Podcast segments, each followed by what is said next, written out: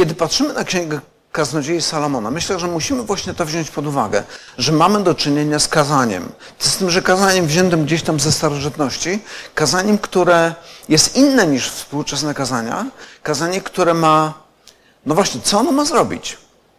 Przypomnijcie, że jeżeli kojarzycie ze szkoły Sokratesa, Sokrates on może nie był typem kaznodziei, był raczej tym, który zadawał pytania, stosował te swoje jakieś tam techniki, ale jego celem było sprowokować słuchacza do tego, żeby zakwestionował to, w co wierzy. Sprowokować go do dalszego szukania, do zakwestionowania tego, co wie i do rozszerzenia swojej wiedzy. I kiedy czytamy Księgę Kaznodziei Salomona, to może nie jest taka retoryka e, jak w przypadku Sokratesa, ale jest to właśnie ten rodzaj retoryki, która ma sprowokować słuchacza sprowokować i pokazać mu pewne obrazy. To jest jedna z różnic pomiędzy, e, powiedziałbym, retoryką hebrajską i grecką. To znaczy, kiedy, kiedy Grecy, kiedy Grek staje i przemawia, stara się przedstawić argumenty, przekonać, przeciągnąć kogoś na swoją stronę, w retoryce hebrajskiej jest trochę inaczej. I to myślę, że zauważyliście to, może nawet nie wiedząc jak to nazwać, czytając różne historie ze Starego Testamentu, kiedy one są po prostu pokazane. Pokazane i, i Twoim zadaniem jest przyjrzeć się temu i wyciągnąć z tego wniosek. Jaka lekcja z tego wynika? Język, e, czy retoryka hebrajska jest retoryką obrazów. Tam się pojawiają obrazy, które mają cię pobudzić do myślenia, mają cię sprowokować, mają spowodować zakwestionowanie tego, co dotychczas, o czym dotychczas myślałeś, że jest prawdziwe i mają pomóc ci zrozumieć coś nowego. Jedna z takich rzeczy, to może być e, coś ciekawego, zauważcie, kiedy czytamy Stary Testament, e, właściwie nawet nie pamiętam, czy jest gdzieś wprost krytyka poligami. Natomiast jest krytyka poligami za pomocą obrazów. Zauważcie, kiedy patrzymy na wiele rodzin starotestamentowych, to tam, gdzie poligamia, tam problemy. Tam, gdzie nie ma problemów, to są raczej wyjątki, albo jest cisza i się nic nie mówi na ten temat. E, przypomnijcie sobie kilka sytuacji. Abraham, e, Mojżesz i tam jeszcze paru innych, czy na samym początku ten, który wziął sobie parę żon, on miał na imię. Kain to był? Czy to był ten Lamech? Tak, Lamech, Lamech. Tak, i tam potem jest ta pieśń śmierci, którą on gdzieś tam wypowiada.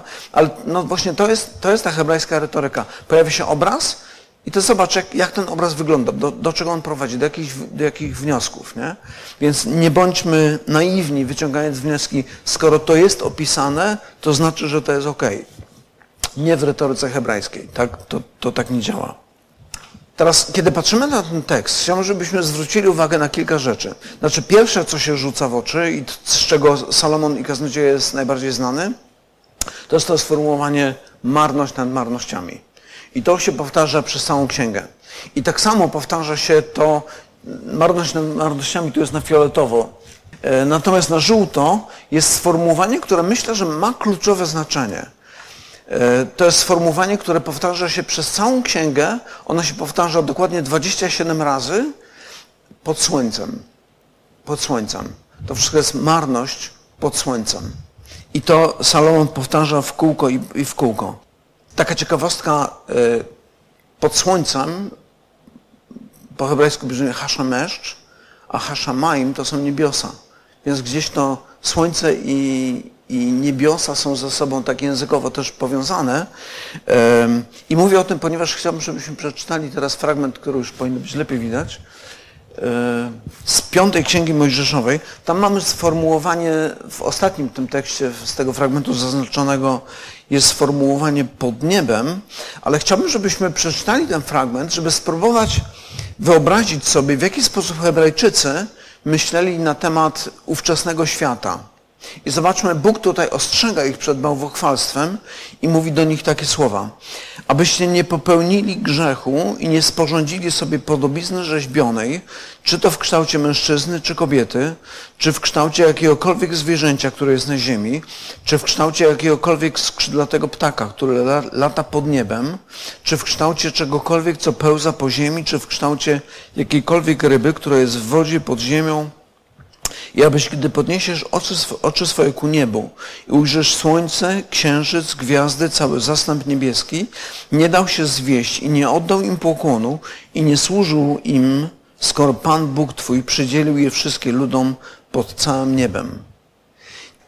Ciekawe jest to, to sformułowanie, że Bóg przydzielił to wszystko całym, całym ludom, które są pod niebem. E, ich Chciałbym, żebyśmy spróbowali spojrzeć na naszą rzeczywistość, która nas otacza, właśnie przez pryzmat tych słów. To znaczy chodzi mi o to, że istnieje niebo, istnieje słońce i wszystko, co pod nim, jakby należy do człowieka. To jest świat człowieka. Świat, w którym człowiek rodzi się, wzrasta, pracuje, tworzy i potem umiera. To jest świat pod słońcem albo świat pod niebem. Natomiast świat ponad niebiosami albo e, ponad słońcem, to jest świat, który należy do Boga. Więc kiedy Salomon używa tego sformułowania, kiedy w kółko powtarza pod słońcem, pod słońcem, pod słońcem, pod słońcem, to wydaje się, że właśnie coś takiego chce powiedzieć. Mówię o życiu ludzi jako takich. Życiu ludzi, którzy jakby ograniczają swoje życie i swoje pole, pole, widzenia do tego, co jest w zasięgu ich rąk, w zasięgu ich wzroku, do tego, co jest dostępne za pomocą zmysłów. Um, I wydaje mi się, że kluczowe pytanie, które Salomon tutaj zadaje, pojawia się w wersecie, w tym naszym fragmencie, w wersecie trzecim, tak trochę pokracznym to będzie wyglądało, kiedy Salomon mówi takie słowa, Jakiż pożytek ma człowiek z całego swojego trudu, który znosi pod słońcem? Znowu to wyrażenie pod słońcem. Znaczy tu jest po raz pierwszy, potem jest jeszcze częściej. Jaki pożytek ma człowiek z tego wszystkiego? I teraz jakby on, on patrzy na życie i trochę z takim cynicznym uśmiechem mówi, no jaki? No jaki pożytek? To wszystko jest marność. To wszystko w ogóle nie ma znaczenia. To wszystko i tak się w końcu rozsypie. To wszystko jest do niczego.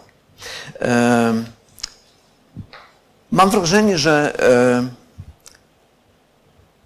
kiedy, kiedy Salomon za, zaczyna tą księgę, to tak jakby chciał powiedzieć, zobaczcie, życie wygląda tak, ale powiedzcie mi, gdzie to jest w tym wszystkim sens.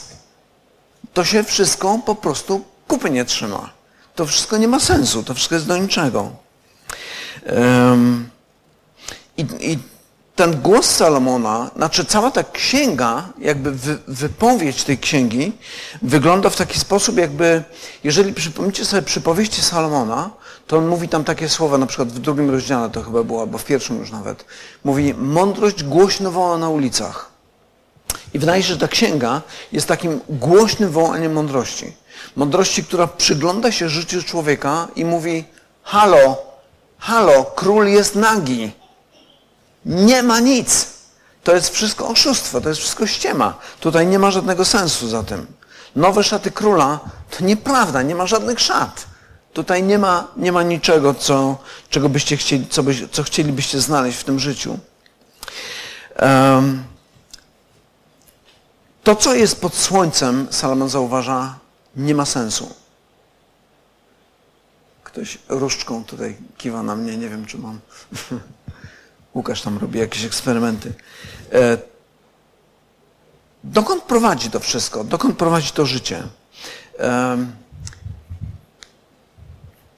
kiedy ludzie patrzą na, e, powiedzmy ludzie, którzy odrzucili Boga za swojego życia, patrzą na, na, to życie i mówią sobie, no właśnie, musimy pogodzić się z tym, że życie nie ma sensu. Życie, życie po prostu takie, jak jest, takie, jakie jest. I jest tylko to, co widzimy, to, co da się zmierzyć, to, co da się zważyć, to, co da się dotknąć. To jest nasze życie. Nic nie wiemy o jakimkolwiek życiu poza gwiazdami, poza słońcem, czy ponad niebiosami. Nic nie wiemy na ten temat. Tylko, że kiedy słuchamy tych samych ludzi, to zauważcie, jakie hipotezy się pojawiają. I to nawet już widziałem w filmach e, kilku się pojawia ten wątek. A może są światy równoległe? Może my nie jesteśmy tak wyjątkowym elementem we wszechświecie. Może wszechświatów jest całe mnóstwo. I w każdym tych, z tych wszechświatów jest jakaś taka jedna planeta Ziemia. Może w naszym wszechświecie nie ma więcej takich planet, na które jest życie, ale może istnieją te światy równoległe. E, nie wiem, czy spotkaliście się z takimi poglądami. One właśnie pojawiają się e, już w filmach. E, ja co najmniej kilka takich filmów widziałem i pamiętam, że z jednej strony myślałem sobie, ale to jest prymitywne, a z drugiej strony myślę, nie, chcę to zobaczyć, żeby zobaczyć, jak myśli człowiek współczesny. I, i człowiek współczesny, powiedziałbym tak, z jednej strony mówi, nie ma żadnego świata poza, poza Słońcem, poza niebiosami, ale z drugiej strony mówi, próbując odpowiedzieć sobie na pytanie, ale skąd wzięło się życie? To mówi, może kosmici jacyś się przynieśli tutaj. Nie?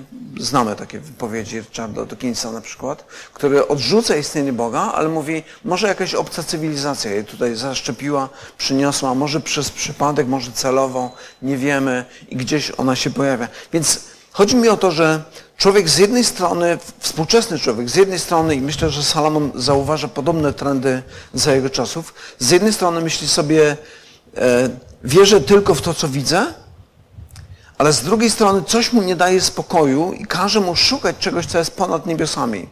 Co jest coś, coś co jest poza, poza tym światem materialnym. Z jednej strony chciałby wyrzucić Boga ze swojego życia, ale z drugiej strony odkrywa, że nie potrafi znaleźć odpowiedzi na pytania, które pojawiają się w jego głowie. I kiedy patrzymy na, na to, co robi Salomon, to Salomon by powiedział, że w taki bardzo brutalny sposób pokazuje człowiekowi, zobacz, do czego to cię prowadzi. Dokąd, zobacz, dokąd prowadzi Twój światopogląd. Jakie są konsekwencje Twojego światopoglądu, który przyjmujesz? I on mówi tak, spójrz, w ogóle na życie. E, w zdaniu czwartym, to jest zaraz po tym, które tam jest zakreślone, mówi tak, pokolenie odchodzi, pokolenie przychodzi, a ziemia trwa na wieki. Jakby mówi, no, no, no spójrz uczciwie. Mówi, no, życie pojawia się i znika. Znowu się pojawia, znika. Pojawia i znika. I gdzie tu mówić o jakimkolwiek sensie tego życia? To nie ma miejsca na to. E, w dziewiątym wersecie mówi, ludzie trudzą się mówieniem, lecz i tak nikt wszystkiego nie wypowie. Można by to odnieść do różnych koncepcji rozumienia tego świata. Ludzie ciągle mają jakieś nowe pomysły na temat tego, kim jest człowiek, czym jest życie, jak ono powinno wyglądać, co jest dobre, co jest złe, skąd się wzięliśmy, dokąd zmierzamy. I tak naprawdę poglądy, które są dzisiaj fascynujące, jutro umierają. Myślę, że to jest trochę tak jak a, może mieliście takie doświadczenie, wstajecie rano i przychodzi wam do jakiś pomysł do głowy i myślicie sobie, genialne, że ja na to wcześniej nie wpadłem. Ale dwa dni później albo tydzień później myślisz sobie, nie no, że to prostackie jest. Nie? Albo a już ktoś inny dawno na to wpadł. Kiedy, zobaczcie, patrzymy na historię różnych poglądów, różnych idei, które pojawiają się na przestrzeni czasów, ciągle pojawiają się jakieś poglądy, przy których ktoś krzyczy Eureka! Odkryliśmy coś nowego. Nareszcie zrozumieliśmy, po czym 50 lat, 100 lat później, 200 lat później ktoś patrzy z politowaniem wstecz i myśli sobie, no jasne, zrozumieliśmy. Nic nie zrozumiałem. Coś nam się wydawało, że złapaliśmy Pana, Pana Boga za ogon, patrzyliśmy w przyszłość z podniesioną głową, a teraz się okazuje, że to właściwie e, tylko uśmiech politowania tutaj się pasuje do, do tego. I kiedy, kiedy Salomon patrzy, analizuje to życie i mówi, zobacz, wszystko przemija. Wszystko przemija, całe pokolenia przemijają. E, on mówi o ludziach, którzy w 11 wersecie jest chyba tak, e, nie... Gdzie okulary? Tutaj. Mówi, nie pamięta się o tych, którzy byli poprzednio, ani o tych, którzy będą potem. Także o nich nie będą pamiętali ci, którzy po nich przyjdą. I z jednej strony możemy sobie pomyśleć, no tak, ale przecież na historii uczymy się wielu rzeczy. No ale pomyślcie tak uczciwie. Co wiecie na temat życia licealnego waszych rodziców? Albo waszych dziadków? Albo waszych pradziadków? Albo waszych prapradziadków? Zobaczcie, dopiero cofnęliśmy się o jakieś może niecałe 100 lat i obracamy się w kręgu najbliższej rodziny. Ile wiecie na temat życia waszych prapradziadków? Oczywiście są ludzie, którym stawiamy pomniki. I co z tego? Kilka dni temu pomnik Tadeusza Kościuszki zdewastowali ludzie, dla których on zrobił bardzo wiele. Nie? Stany Zjednoczone, Polska, myślę, że widzieliście. Co ludzie wiedzą na temat jakiegoś pomnika? Stoi jakiś gość z kamienia Nie wiadomo kto to jest, nie wiadomo po co, nie wiadomo dlaczego, chodźcie go zamalujemy farbą. Pamięta się o tych? Niektórzy pamiętają przez jakiś czas, ale potem i tak wszystko przemija. I tak wszystko się rozpada. I tak w pewnym momencie, patrząc przez pryzmat tylko tego świata materialnego, w pewnym momencie światło zgaśnie. Słońce wypali się. Cały wszechświat zgodnie z prawem entropii zapadnie się i nic nie zostanie.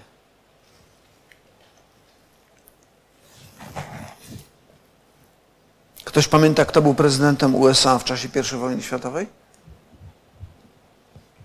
Albo jaki aktor dostał Oscara za najlepszą rolę męską 5 lat temu? A zobaczcie, ile hałasu jest wokół takich wydarzeń współczesnych i za chwilę nikt o tym nie pamięta.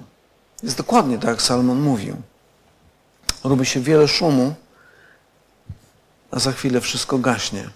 I jeżeli tak się dzieje z wielkimi gwiazdami czy prezydentami, o ileż bardziej tak będzie z nami. Nikt nie będzie o nas pamiętał za 100 lat. Kiedy patrzymy na świat, na ile on rzeczywiście się, się zmienia? Salomon mówi, nie ma nic nowego pod słońcem. Zobaczcie, jacy byli ludzie kiedyś, jacy są teraz.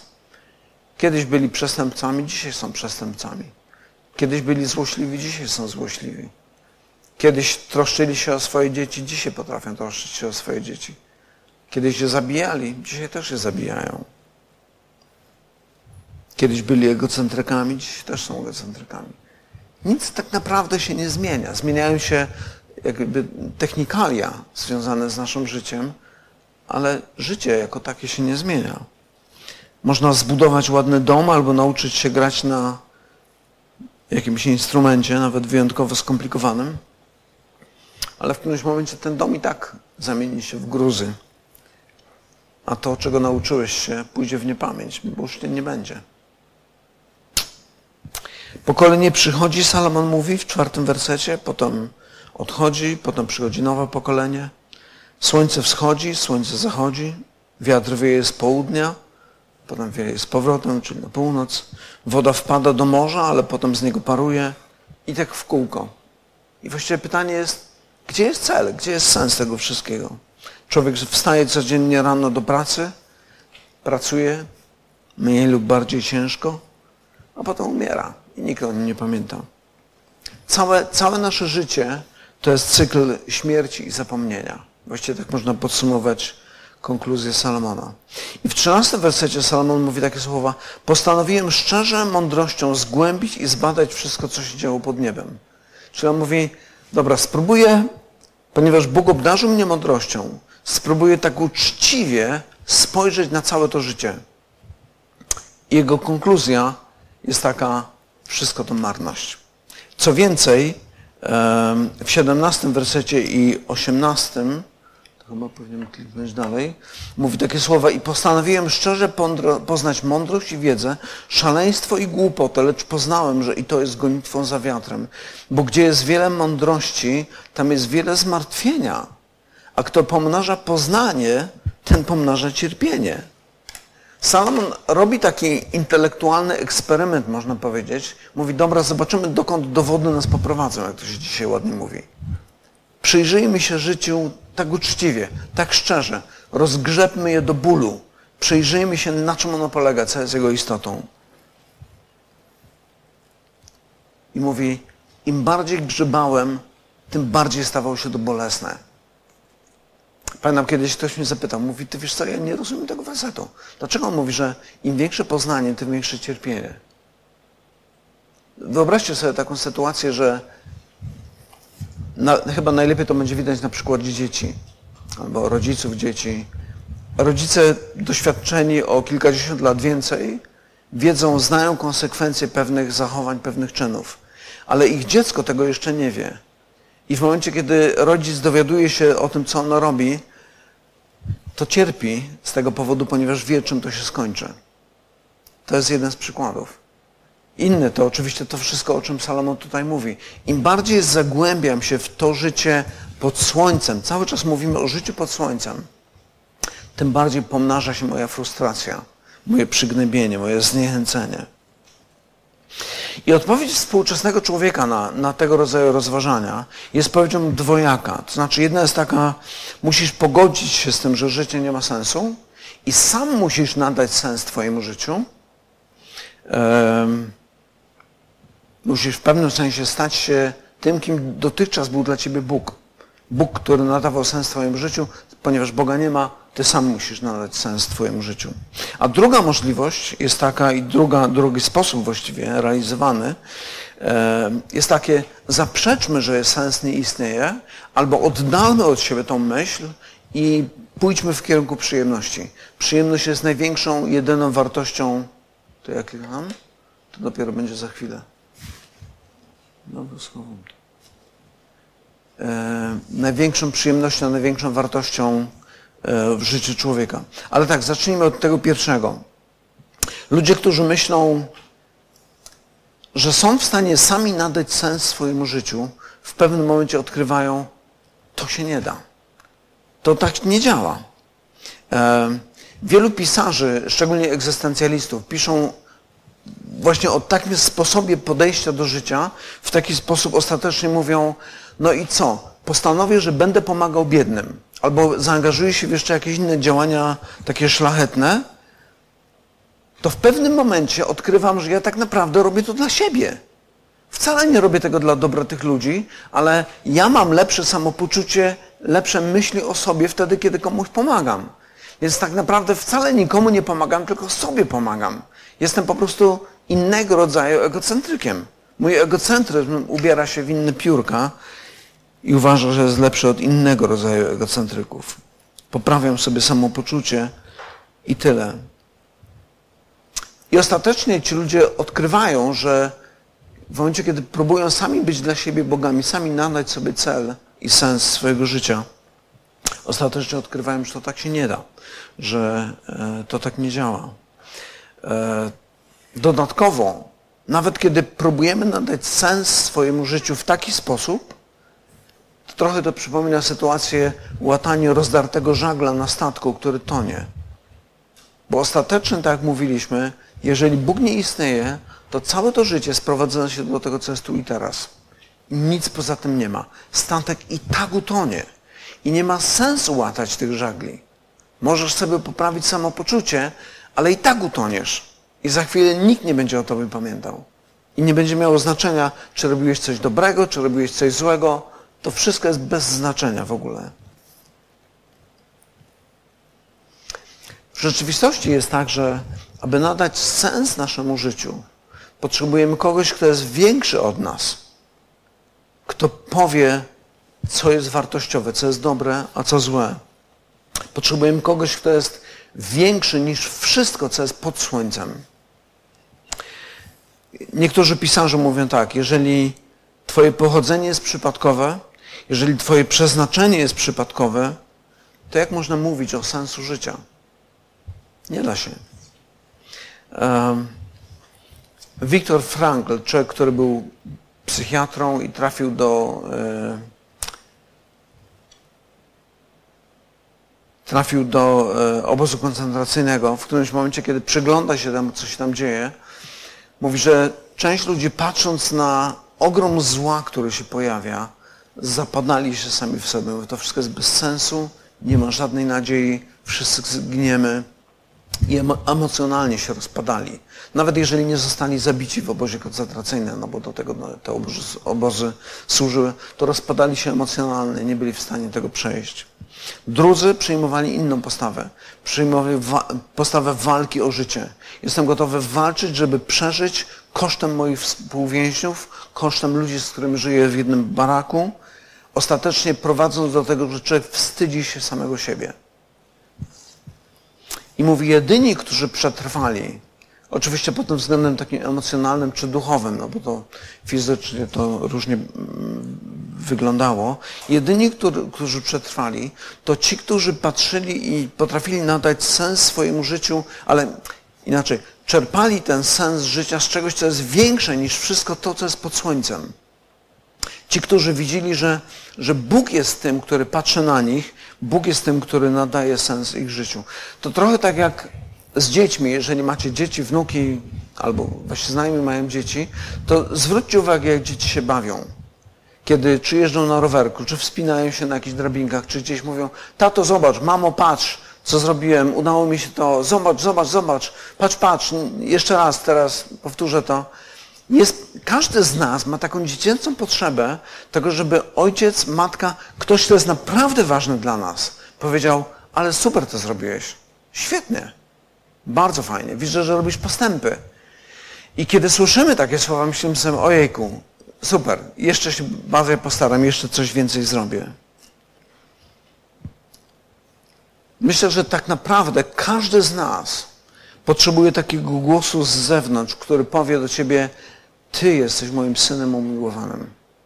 Ty jesteś moją córką umiłowaną. Sam nie możesz tego do siebie powiedzieć. Nawet jeżeli powiesz, to za chwilę uznasz, że to jest bez sensu.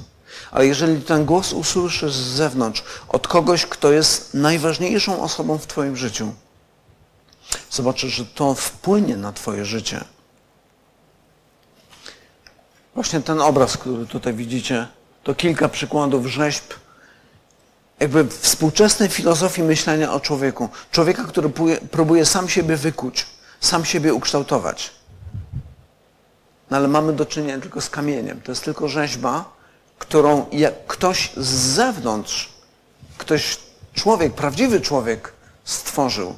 I myślę, że podobnie z nami, my potrzebujemy takiego rzeźbiarza, każdy z nas potrzebuje takiego rzeźbiarza, który powie, jesteś moim umiłowanym synem, jesteś moją umiłowaną córką, w Tobie mam podobanie. Za Ciebie oddałem życie. Jesteś kimś naprawdę ważnym.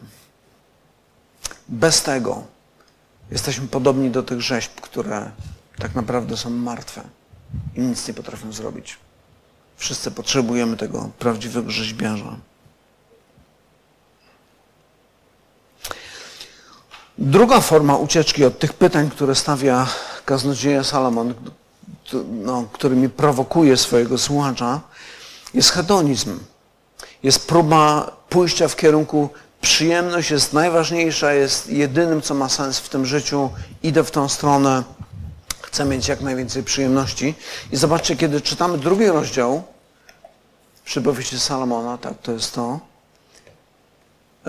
Nie wiem, na ile to widać, no nic nie widać. Na zielono, w kółeczko. Jak widzicie zielone kółeczka. E, pierwszy werset, zobaczcie. Powiedziałem sobie, po próbie radości użyj sobie. E, trzeci werset. Umyśliłem sobie, że pokrzepię swoje ciało winem. Lecz tak, aby serce mnie prowadziło. Będę trzymał się głupoty, zobaczę, co mają synowie ludcy czynić.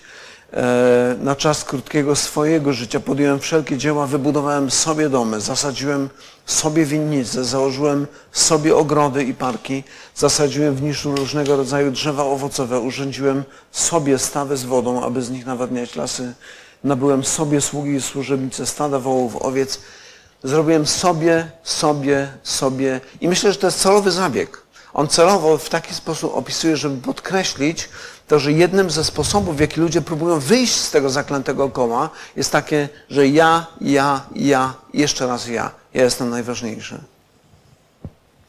I znowu mamy sytuację taką, że człowiek staje się pępkiem świata. I wydaje mu się tak, wtedy, kiedy będę pępkiem, kiedy wszyscy będą kręcili się wokół mnie, wtedy będzie mi dobrze. Problem polega na tym, że jeżeli wszyscy tak myślą, że każdy chce, żeby wszyscy pozostali kręcili się wokół niego, to nagle mamy piekło. Niczego nie da się zrobić. To trochę widzieliście pewnie ten film, jak na takim filmiku, kiedy siedzą jacyś ludzie z takimi bardzo długimi łyżkami, którą nie da się nabrać i sięgnąć sobie, e, najeść się tą zupą, która tam jest, ale w momencie, kiedy zaczynają karmić innych, dopiero wtedy zaczynają być nakarmieni. I w momencie, kiedy każdy próbuje myśleć o sobie, konsekwencje tego są po prostu tragiczne. W tym momencie ja sam chcę być Panem swojego życia, chcę być właściwie Bogiem swojego życia. W drugim wersecie tego fragmentu, który tutaj czytaliśmy, Salomon mówi o śmiechu, powiedziałem, to szaleństwo. O radości, cóż ona daje. Więc zauważcie, że ostateczna konkluzja Salomona jest taka, nazbierałem sobie wszystkiego, co mogłem. Miałem wszystkiego pod dostatkiem. Jestem królem, jestem bogaty, jestem najbogatszym człowiekiem na świecie. Mogę sobie pozwolić na wszystko. Jaki jest tego efekt? Kiedy już wszystko mam, myślę, że to jest szaleństwo. To jest bez sensu. To jest puste. Za tym nic nie ma. To myślę, że najlepiej to widać na przykładzie narkotyków. Człowiek, dla którego to doświadczenie jakiejś, nie wiem, jazdy takiej, ja nigdy nie brałem narkotyków, więc nie wiem, co, co jest, ale, ale rozumiem, że jest taki mechanizm, który sprawia, że człowiek jest uzależniony i chce jeszcze raz tego doświadczyć i jeszcze raz, i jeszcze raz, aż w którymś momencie okazuje się, że dawkę narkotyku muszę zwiększyć jeszcze bardziej, jeszcze bardziej, jeszcze bardziej i na końcu jest już tylko śmierć. Już nie ma nadziei. Okazuje się, że nie da się żyć w taki sposób, gdzie przyjemność jest najwyższą wartością mojego życia, której oddaję cześć. Po drugie, jest jeszcze to okropne przekonanie, że jeżeli ten świat to jest tylko to, co jest pod słońcem, to całe moje doświadczenie przyjemności jest tylko impulsem elektrycznym, który gdzieś tam się pojawia, czy w moim mózgu, czy w trzewiach, czy gdziekolwiek. Wszystko jedno. Nie ma żadnego znaczenia, ani moralnego, ani estetycznego. To jest po prostu impuls elektryczny, nic więcej. To jest trochę tak jak, no właśnie, wyobraź sobie, bierzesz do ręki niemowlę, może ja mam wnuczki, wnuka, wnuczkę swojego na ręce i myślę sobie, jakie to przyjemne trzymać go w ręku. Ale za chwilę myślę sobie, to tylko impuls elektryczny. Tak naprawdę jestem e, jakimś takim klonem zamkniętym w jakiejś beczce z glutem takim i mam podłączony tutaj chip z tyłu głowy i wszystko, co się dzieje w moim życiu, to po prostu Matrix. Nie? W czym to pomaga? To tylko pogłębia jeszcze bardziej tę frustrację i człowiek myśli sobie, tak, to wszystko jest bez sensu. I oczywiście są momenty, kiedy człowiek się tym cieszy, ale potem przychodzą te drugie momenty, kiedy jest sam, kiedy odkrywa, to jest bez sensu. To naprawdę jest bez sensu. Jedyne, co pozostaje, to zabić swoje, swoje człowieczeństwo i przestać myśleć. I najczęściej w praktyce to się kończy samobójstwem ludzi. Zobaczmy, że ta intelektualna przygoda, którą podejmuje Salomon, on kilka razy mówi, próbowałem mądrością zgłębić to wszystko. Czyli on, nawet kiedy mówi, że próbowałem e, używać wina do woli, to mówi, ale tak, żeby mój, moja mądrość dalej mnie prowadziła. Czyli on jakby nie oddaje się temu zupełnie, jakby to, to nie jest celem i sensem jego życia, ale cały czas przygląda się temu i mówi, dokąd mnie to doprowadzi. I ten eksperyment intelektualny, który prowadzi, mówi, to prowadzi do nikąd. To prowadzi do nicości. Życie w ogóle wszystko to po prostu nie ma sensu. Co więcej, pomimo tego, że nie wierzę w sens jakikolwiek, odczuwam cierpienie. Ten ostatni werset z tego pierwszego rozdziału, który czytaliśmy. Poznanie prowadzi do cierpienia.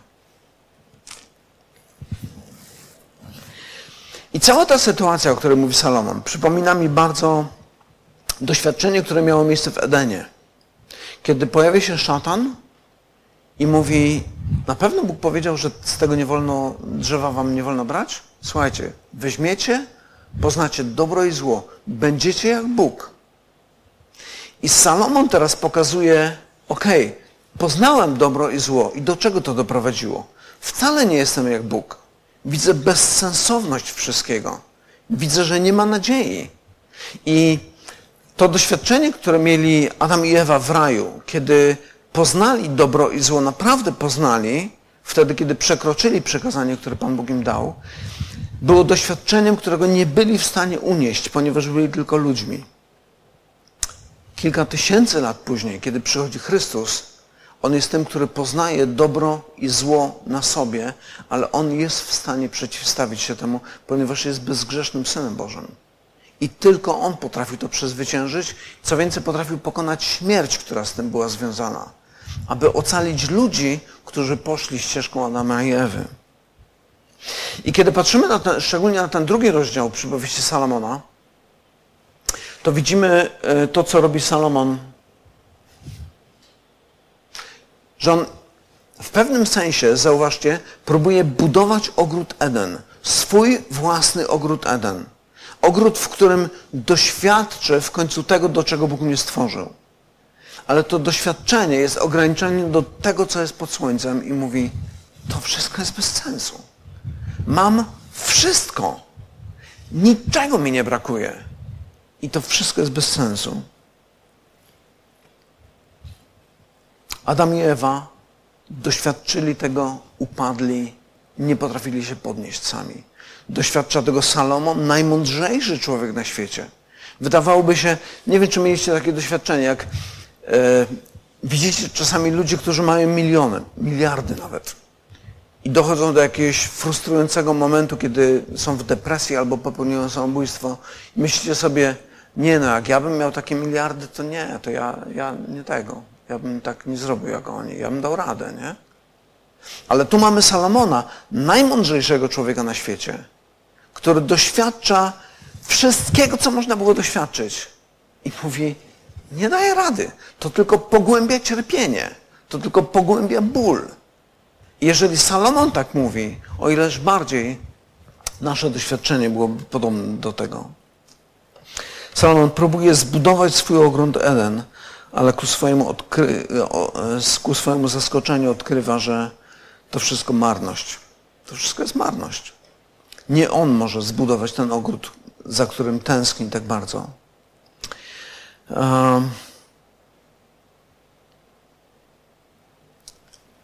W 24 wersecie tego drugiego rozdziału kaznodzieja Salomon mówi takie słowa. Tu mamy chyba teraz ten fragment tak.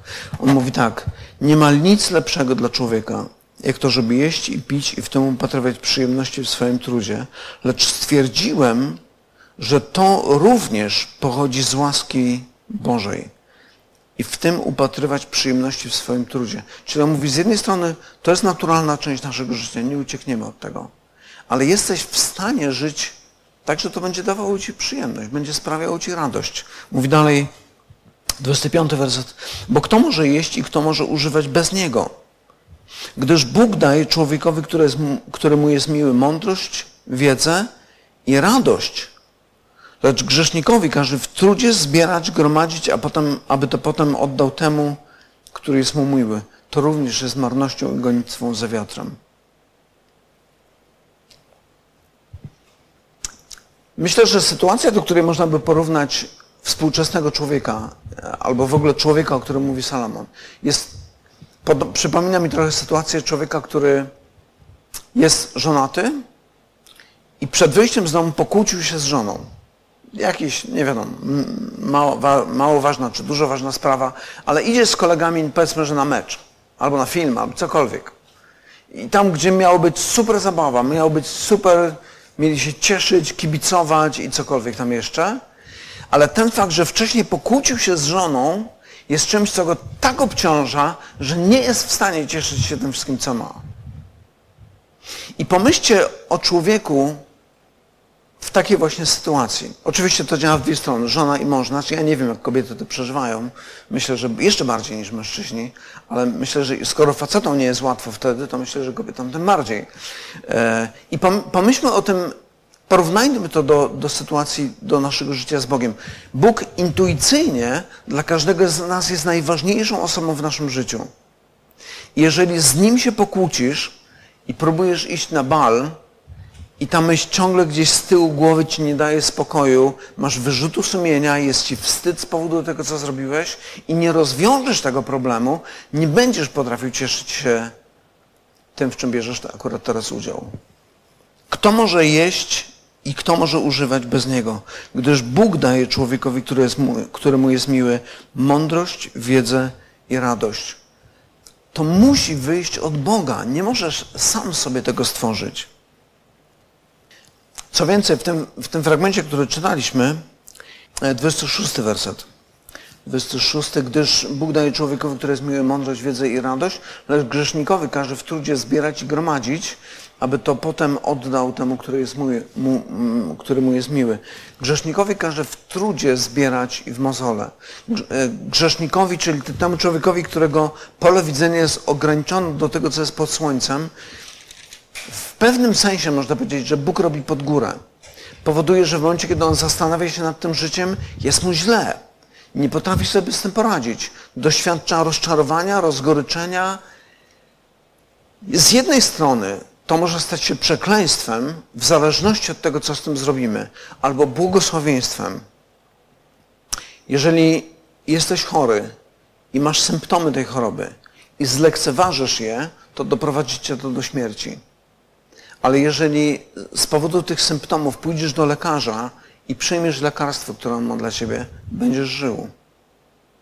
I myślę, że tak samo jest z tym naszym życiem tutaj na Ziemi. Kiedy ograniczamy się tylko do myślenia o tym, co jest pod słońcem i zaczynamy odczuwać coraz większe obciążenie i myślimy sobie, nie potrafię, nie jestem w stanie żyć w taki sposób i nie przyjdziesz z tym do lekarza, nie przyjdziesz z tym do tego, z którym najpierw musisz się pojednać, żeby móc cieszyć się tym wszystkim, co on ci daje. Bo to on jest dawcą tego wszystkiego, co masz. Nie będziesz potrafił cieszyć się i zejdziesz z tego świata jako frustrat i człowiek rozczarowany, rozżalowany, rozżalony całym swoim życiem. Myślę, że mogą być takie okresy w życiu człowieka, kiedy cieszy się tym, co ma i jest fajnie, pomimo tego, że nie uznaje Boga w swoim życiu, ale to wszystko jest tylko do pewnego momentu. Wszystko jest tylko do pewnego czasu. W pewnym momencie człowiek się... Nikt nie wytrzymuje tego. Żaden normalny człowiek nie jest w stanie tego wytrzymać. My jesteśmy tak stworzeni, że potrzebujemy tego pojednania z najważniejszą osobą w naszym życiu. Kiedy czytamy Kaznodzieje Salomona, tą całą księgę, to wydaje się, że jakby nie ma rozwiązania. To znaczy Salomon sugeruje pewne rzeczy. Mówi, Pamiętaj o Bogu w swoim życiu. Pamiętaj o Jego przykazaniach, bo to jest to, do czego Cię powołał, to powinieneś robić. Ale myślę, że Salomon jakby nie ma odpowiedzi pełnej na, na te pytania, które rodzi to jego rozważanie, które on prowadzi w całej tej księdze. Chciałbym, żebyśmy spojrzeli na fragment z księgi Izajasza. Bo chodzi mi o to tak, kiedy, kiedy Salomon patrzy na to życie i mówi, to wszystko jest jak zaklęte koło, to ciągle odchodzi i powraca, odchodzi i powraca i w ogóle nie widać w tym sensu. Jakby nie ma nic nowego pod słońcem. I Izajasz zapowiada coś, co zmienia wszystko, co znajduje swoje wypełnienie dopiero w Chrystusie. Przeczytajmy ten fragment z 64 rozdziału. Mamy tam takie słowa, obyś rozdarł niebiosa i zstąpił, aby przed Tobą zatrzęsły się góry. Jak ogień zapala chrust i powoduje, że kipi woda, oby, oby było objawienie Twoje imię, oby było objawione Twoje imię przed nieprzy, Twoim nieprzyjaciołom, także narody będą drżeć przed Tobą. Gdy czynisz dziwne rzeczy, których nie oczekiwaliśmy, obyś stąpił i zatrzęsły się góry przed Tobą, czego od wieków nie słyszano, czego ucho nie słyszało i oko nie widziało, oprócz Ciebie, Boga działającego dla tego, którego oczekuje. Zobaczcie, on mówi, potrzebujemy obecności Boga, potrzebujemy działania Boga, potrzebujemy Jego interwencji w naszym życiu, ale nie wiemy, jaka ona będzie. I mówi, obyś rozdarł niebiosa i zstąpił. I mówi, i kiedy to zrobisz, to będzie coś, czego oko nie widziało i ucho nie słyszało. I kiedy przechodzimy do Nowego Testamentu, tu mamy ten werset z listu do Koryntian, apostoł Paweł, zobaczcie, te słowa odnosi do Chrystusa. I mówi, głosimy tedy, jak napisano, czego oko nie widziało i ucho nie słyszało i co do serca ludzkiego nie wstąpiło, to przygotował Bóg tym, którzy Go miłują. Innymi słowy, to co Salomon mówi, nie ma niczego nowego, jest nieprawdą. Albo nie ma no, niczego nowego tak, jeżeli ograniczymy się do życia pod słońcem. Izajasz, apostoł Paweł, Nowy Testament mówi, są rzeczy nowe. Są rzeczy nowe, które czyni Bóg. Człowiek nie jest w stanie uczynić tych rzeczy nowe, ale Bóg to czyni. Kiedy czytamy list do Efezjan, apostoł Paweł w tym liście mówi, to, co się wydarzyło, kiedy przyszedł Chrystus, to jest tajemnica zakryta od wieków. Teraz zostaje objawiona. Teraz dzieją się rzeczy nowe. I to są naprawdę rzeczy nowe, kiedy Bóg mówi, ja jestem gotowy wam przebaczyć, ale to się będzie wiązało z kosztem. To się będzie wiązało z ceną, której wy nie jesteście w stanie zapłacić. I w pewnym momencie Izajasz mówi takie słowa, e, czy Bóg przez Izajasza mówi, kogo pośle? I odzywa się głos, który mówi, oto jestem, poślij mnie. I kiedy potem patrzymy na Nowy Testament, widzimy, że to właśnie wypełnia się w Chrystusie. Chrystus przychodzi jako ten, który jest nową rzeczą, którą Bóg czyni. Przychodzi po to, żeby pojednać nas z Bogiem, ponieważ nie było dla nas nadziei. Wszystko to, co było dla nas największym obciążeniem, nasz własny grzech, wstyd, to wszystko zostaje przybite do krzyża, abyśmy mogli zostać pojednani z Nim. I jako ci, którzy naprawdę zostali pojednani w sposób doskonały, możemy odetchnąć z ulgą. Możemy wołać do Boga Ojcze, możemy Go czcić, możemy Mu dziękować, możemy cieszyć się tymi drobiazgami, które gdzieś tu pojawiają się w życiu, ponieważ nie mamy z tyłu głowy tego przekonania, jestem zawstydzony tym, co zrobiłem. Jestem, mam poczucie winy, które, z którym nie potrafię sobie poradzić, ponieważ to wszystko zostało przybite do krzyża. W liście do Koryntian apostoł Paweł, to już ostatnie zdanie, mówi takie słowa. E, albowiem mowa o krzyżu jest głupstwem dla tych, którzy giną. Natomiast dla nas, którzy dostępujemy zbawienia, jest mocą Bożą.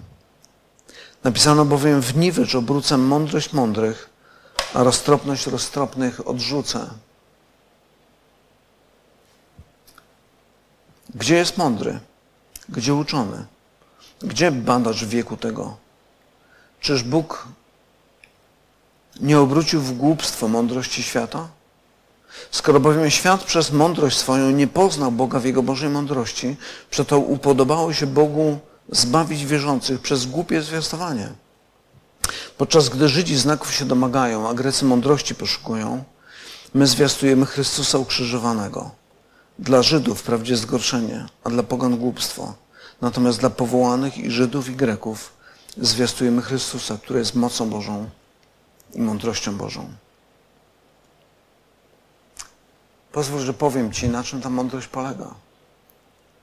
Bóg pojednał Cię ze sobą przez Jego własną śmierć, przez śmierć Jego własnego Syna. To jest mądrość, to jest tajemnica zakryta od wieków, ale tajemnica, kiedy została odsłonięta, zmienia życie przez ostatnie ponad 2000 lat. Ludzie doświadczają czegoś zupełnie nowego, kiedy dociera do nich, co ich Bóg dla nich uczynił. I to jest też coś, co e, wspominamy, kiedy przystępujemy do Wieczerzy Pańskiej. Wieczerza Pańska, która jest takim momentem, kiedy no właśnie wspominamy śmierć Pańską, jak to apostoł Paweł mówi. I czynimy to na Jego pamiątkę. Chcemy wrócić myślami do tego, co wydarzyło się na krzyżu. No właśnie, co nie było artystycznym wydarzeniem, ale co było wydarzeniem, które decyduje o moim życiu lub śmierci, o Twoim życiu lub śmierci. I chciałbym nas zachęcić do takiej głębokiej, osobistej refleksji na temat tego, jakie znaczenie Bóg ma w Twoim życiu. Czy jest osobą, w której widzisz swojego Ojca, który zrobił wszystko, żeby Cię ze sobą pojednać, który całą Twoją winę, Twój wstyd wziął na siebie.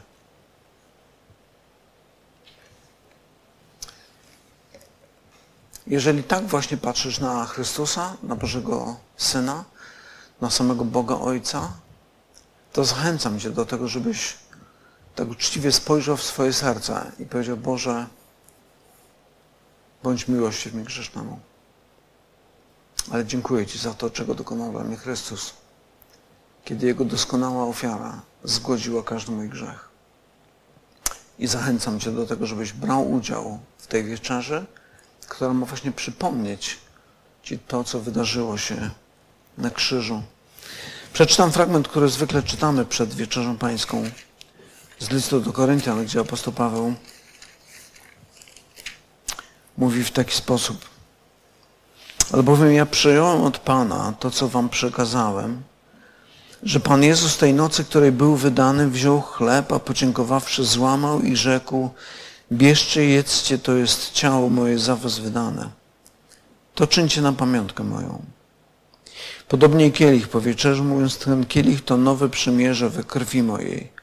To czyńcie, ilekroć pić będziecie na pamiątkę moją. Albowiem ilekroć ten chleb jecie, a z kielicha tego pijecie, śmierć pańską zwiastujecie, aż przyjdzie.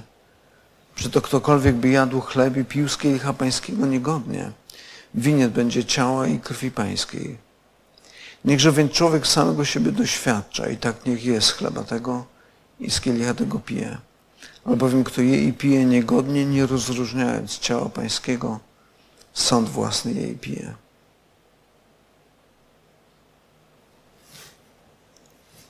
Ciało pańskie to jest właśnie to, które zostało ofiarowane na krzyżu za ciebie. I ten chleb, to wino przypomina nam o tym.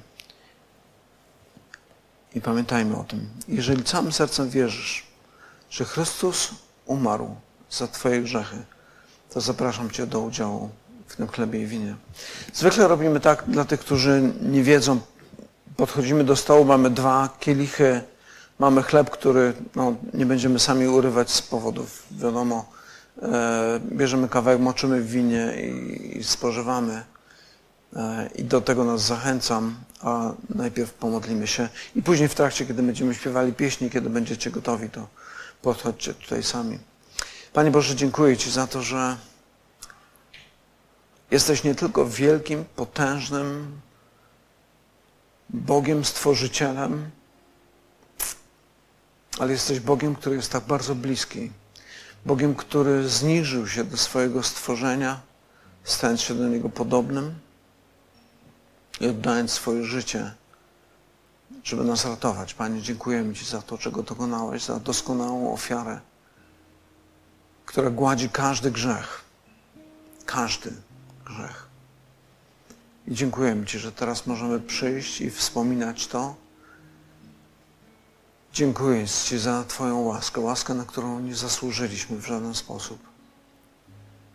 Niech Twoje święte imię będzie uwielbione w naszym życiu. I przemieni nas, o Panie, tak od środka.